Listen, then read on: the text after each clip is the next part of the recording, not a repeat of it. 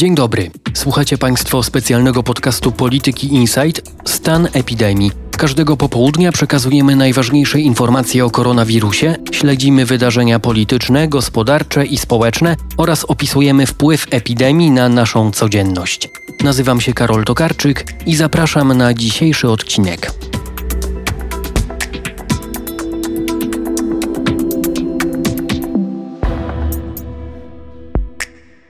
Jest 23 marca, poniedziałkowe popołudnie. W Polsce jest ponad 680 osób z potwierdzonym pozytywnym wynikiem testu na koronawirusa. 8 osób zmarło. Światowa Organizacja Zdrowia podaje, że na świecie jest około 300 tysięcy zachorowań i prawie 13 tysięcy zgonów. Liczby zmieniają się szybko, a aktualne informacje dotyczące Polski znajdziecie Państwo na stronie gov.pl ukośnik koronawirus. Dziś odbyła się Rada Bezpieczeństwa Narodowego, którą w piątek w orędziu zapowiedział prezydent Andrzej Duda. Zwołałem posiedzenie Rady Bezpieczeństwa Narodowego. W poniedziałek do przedstawicieli rządu, władz Sejmu i Senatu dołączą liderzy ugrupowań parlamentarnych. Omówimy Tematem spotkania była tarcza antykryzysowa. Spotkanie odbyło się w formule telekonferencji i trwało blisko trzy godziny.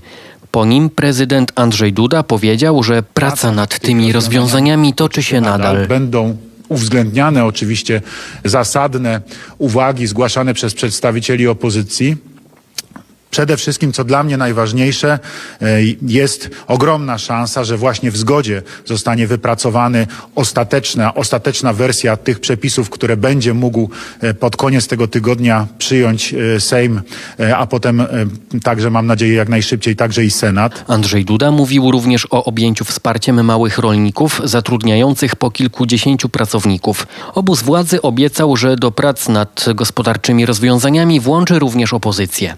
Po posiedzeniu Rady głos zabrał m.in. Robert Biedroń. Kandydat lewicy na prezydenta powiedział, że projekt specustawy jest tylko i wyłącznie aspiryną na zapalenie płuc, a samo posiedzenie Rady jest tylko i wyłącznie udawaniem konsultacji.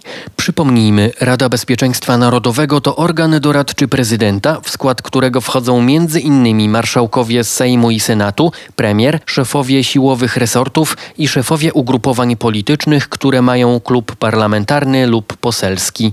Na posiedzenie Rady prezydent może zapraszać również inne osoby. Wielka Orkiestra Świątecznej Pomocy złożyła zamówienie na 50 tysięcy indywidualnych pakietów ochrony biologicznej. Fundacja przeznaczyła na ten zakup około 16 milionów złotych. Jej zarząd zdecydował się pokryć koszt zakupu częściowo ze środków zebranych w zeszłym roku w ramach akcji 1% podatku, częściowo natomiast ze zbiórki 28 finału Wielkiej Orkiestry Świątecznej Pomocy. Całość zaangażowania fundacji w walkę z koronawirusem wynosi obecnie blisko 20 milionów złotych. Kanclerz Niemiec Angela Merkel przebywa w kwarantannie domowej, ponieważ miała kontakt z lekarzem, u którego wykryto koronawirusa. W ciągu najbliższych dni kanclerz ma przejść testy na obecność wirusa. Przed kwarantanną Angela Merkel ogłosiła zaostrzenie środków antyepidemicznych w Niemczech. Od dziś zabronione są spotkania powyżej dwóch osób poza miejscem zamieszkania, a większość sklepów i punktów usługowych jest zamknięta. W sobotę niemiecki minister finansów Olaf Scholz Scholz ogłosił z kolei szczegóły pakietu, dzięki któremu niemiecka gospodarka ma być wzmocniona wsparciem z budżetu w wysokości 150 miliardów euro. W weekend nowe regulacje wprowadziły też Włochy, które są obecnie najbardziej dotkniętym epidemią państwem na świecie. Premier Giuseppe Conte ogłosił całkowity zakaz podróżowania wewnątrz kraju oraz zamknięcie wszystkich fabryk i zakładów pracy. Oczywiście oprócz tych niezbędnych do zapewnienia podstawowych dóbr konsumpcyjnych. Zakaz ma obowiązywać do 3 kwietnia. Walkę z epidemią na świecie ma wspomóc nowy fundusz ONZ powołany z inicjatywy Norwegii. Jak zapowiedziała norweska minister spraw zagranicznych Ine Eriksen Soreide, fundusz ma wspomóc najbiedniejsze państwa świata, których systemy opieki zdrowotnej nie są gotowe na epidemię. Szczegóły inicjatywy, w tym wielkość funduszu, prawdopodobnie poznamy w tym tygodniu.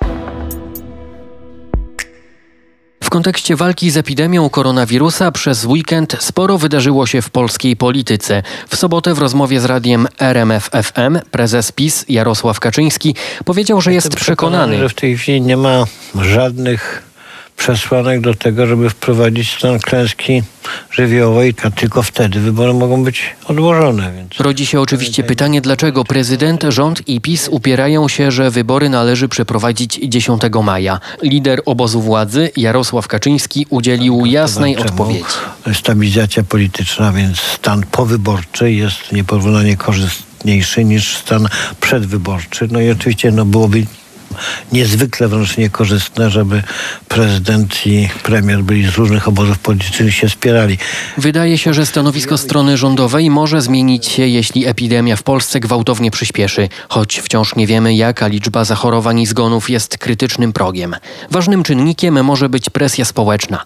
Ze strony polityków i osób publicznych pojawiają się kolejne głosy nawołujące do przełożenia wyborów. W sobotę w Gazecie Wyborczej ukazał się wywiad z Donaldem Tuskiem, który mówił: Tylko wariat albo zbrodniarz mógłby zaproponować ludziom pójście do lokali wyborczych. Również obywatele domagają się przełożenia wyborów. Stowarzyszenie Obserwatorium Wyborcze przygotowało internetową petycję, którą może podpisać każdy obywatel i w której czytamy: My, polscy wyborcy, wzywamy konstytucyjne władze Rzeczypospolitej, aby pilnie podjęły decyzję o przesunięciu daty wyborów prezydenckich na jesień 2020 roku. Petycję dotychczas, czyli do poniedziałkowego popołudnia, podpisało już ponad 70 tysięcy osób. Gazeta Prawna publikuje dziś wyniki sondażu, w którym zadano pytanie o to, czy należy przełożyć wybory prezydenckie. Prawie 72% badanych odpowiada twierdząco, 16% uważa, że wybory powinny odbyć się w maju. Jednocześnie spada odsetek osób, które poszłyby do wyborów. W lutym prawie 57% badanych mówiło, że będzie głosować. W marcu było to już niecałe 40%. Wyzwaniem będzie też organizacja wyborów. Państwowa Komisja Wyborcza i Krajowe Biuro Wyborcze mogą mieć problemy z rekrutacją członków komisji wyborczych oraz ich szkoleniem. Było to już widać, oczywiście na mniejszą skalę, w niedzielę w kilku gminach, w których odbyły się przedterminowe i uzupełniające wybory. W Pątnowie w województwie łódzkim siedmiu członków komisji wyborczej złożyło rezygnację i komisarz z wojewódzkiej delegatury PKW na gwałt szukał nowych. A w Stryszowie w województwie małopolskim kandydaci do Rady Gminy solidarnie zrezygnowali i wybory się nie odbyły. W pozostałych lokalach wyborczych członkowie komisji wyborczych nosili maseczki i jednorazowe rękawiczki. Wstęp do lokalu był ograniczony, a wyborcy otrzymywali jednorazowe długopisy. Na dziś to wszystko. Na kolejny odcinek zapraszam już jutro. O epidemii koronawirusa mówimy również w innych audycjach. We wtorki w Energii do Zmiany, w środy w kampanijnym Dużym Pałacu i w piątki w audycji o najważniejszych wydarzeniach politycznych i gospodarczych. Znajdziecie nas w serwisach Spotify, Apple Podcast, Google Podcast, na SoundCloudzie i w innych aplikacjach, w których słuchacie podcastów. Szczegółowe informacje i analizy znajdziecie również w serwisach Polityki Insight. Do usłyszenia.